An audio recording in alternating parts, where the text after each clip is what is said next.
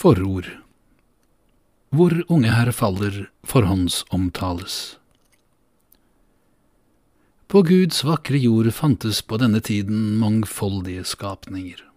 Den stripete sebraen, mandelpoteten, grunnlovsutvalget, den redde lille musa, oppvaskbørsten, husmorens ønskedrøm og en hel del mindre viktige ting. Ja, også mennesket, selvsagt.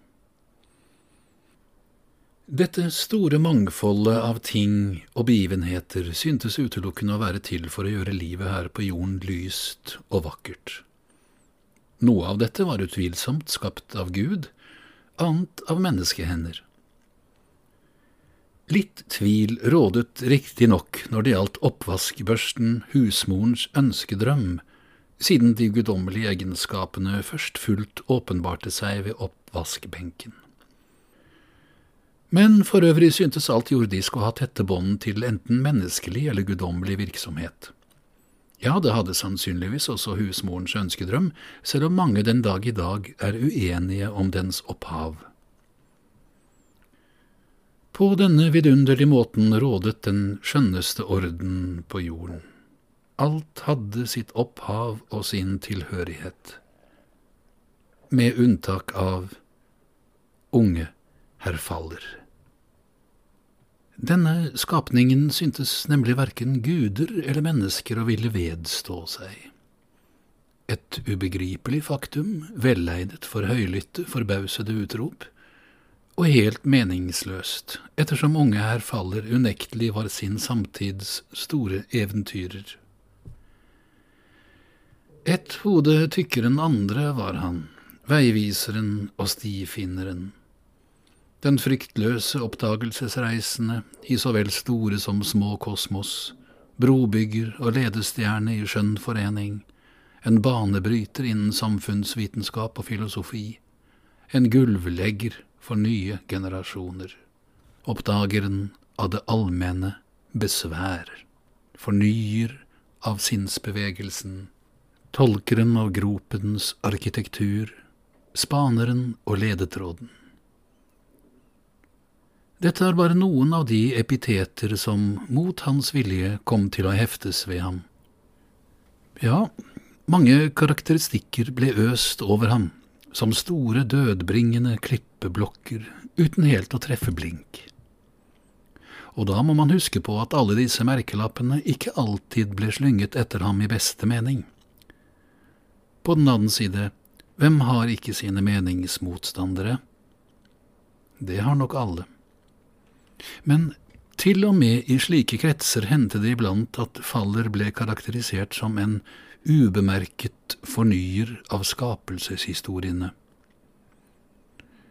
Og ingen påstår at han på noen måte forspilte sin begavelse, til tross for at han kom til å bety så lite for så få.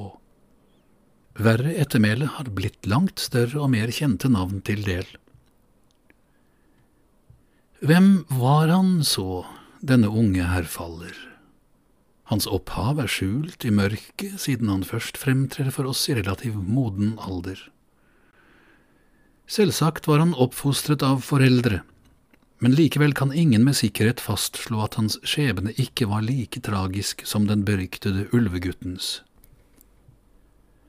Spørsmålet som mange har stilt seg, om hvorfor hans foreldre ga ham det ytterst uvanlige fornavnet herr, forblir også ubesvart.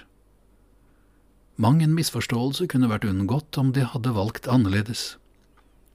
Selv var herr herr ytterst tilbakeholden om sin egen tilblivelse og historie. Det kunne selvsagt være et utslag av beskjedenhet, men det kunne også komme av at han i sin søken etter sannhet snudde alle stener, unntatt den han selv lå begravet under. Det er vel kjent at han gjorde flere forsøk i den retningen. Nyere studier har brakt på det rene at han i sin rastløse forskergjerning var skarp som en kniv. Som menneske var han like vennesel og myk som det beryktede smøret i solskinnet. Skarpskåren svak, med andre ord. Ja, Slik kommer han oss i møte ut av historiens demring, blid og mild og med to alltid tilstedeværende spørsmålstegn i sine øyne.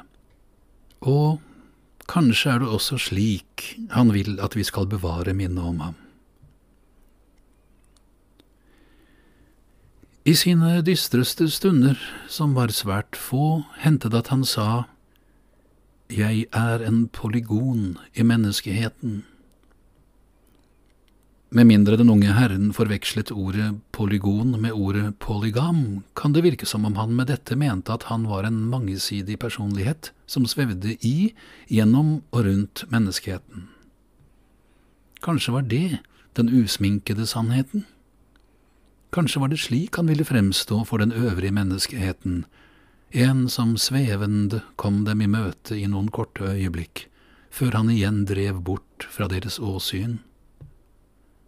Hvem vet?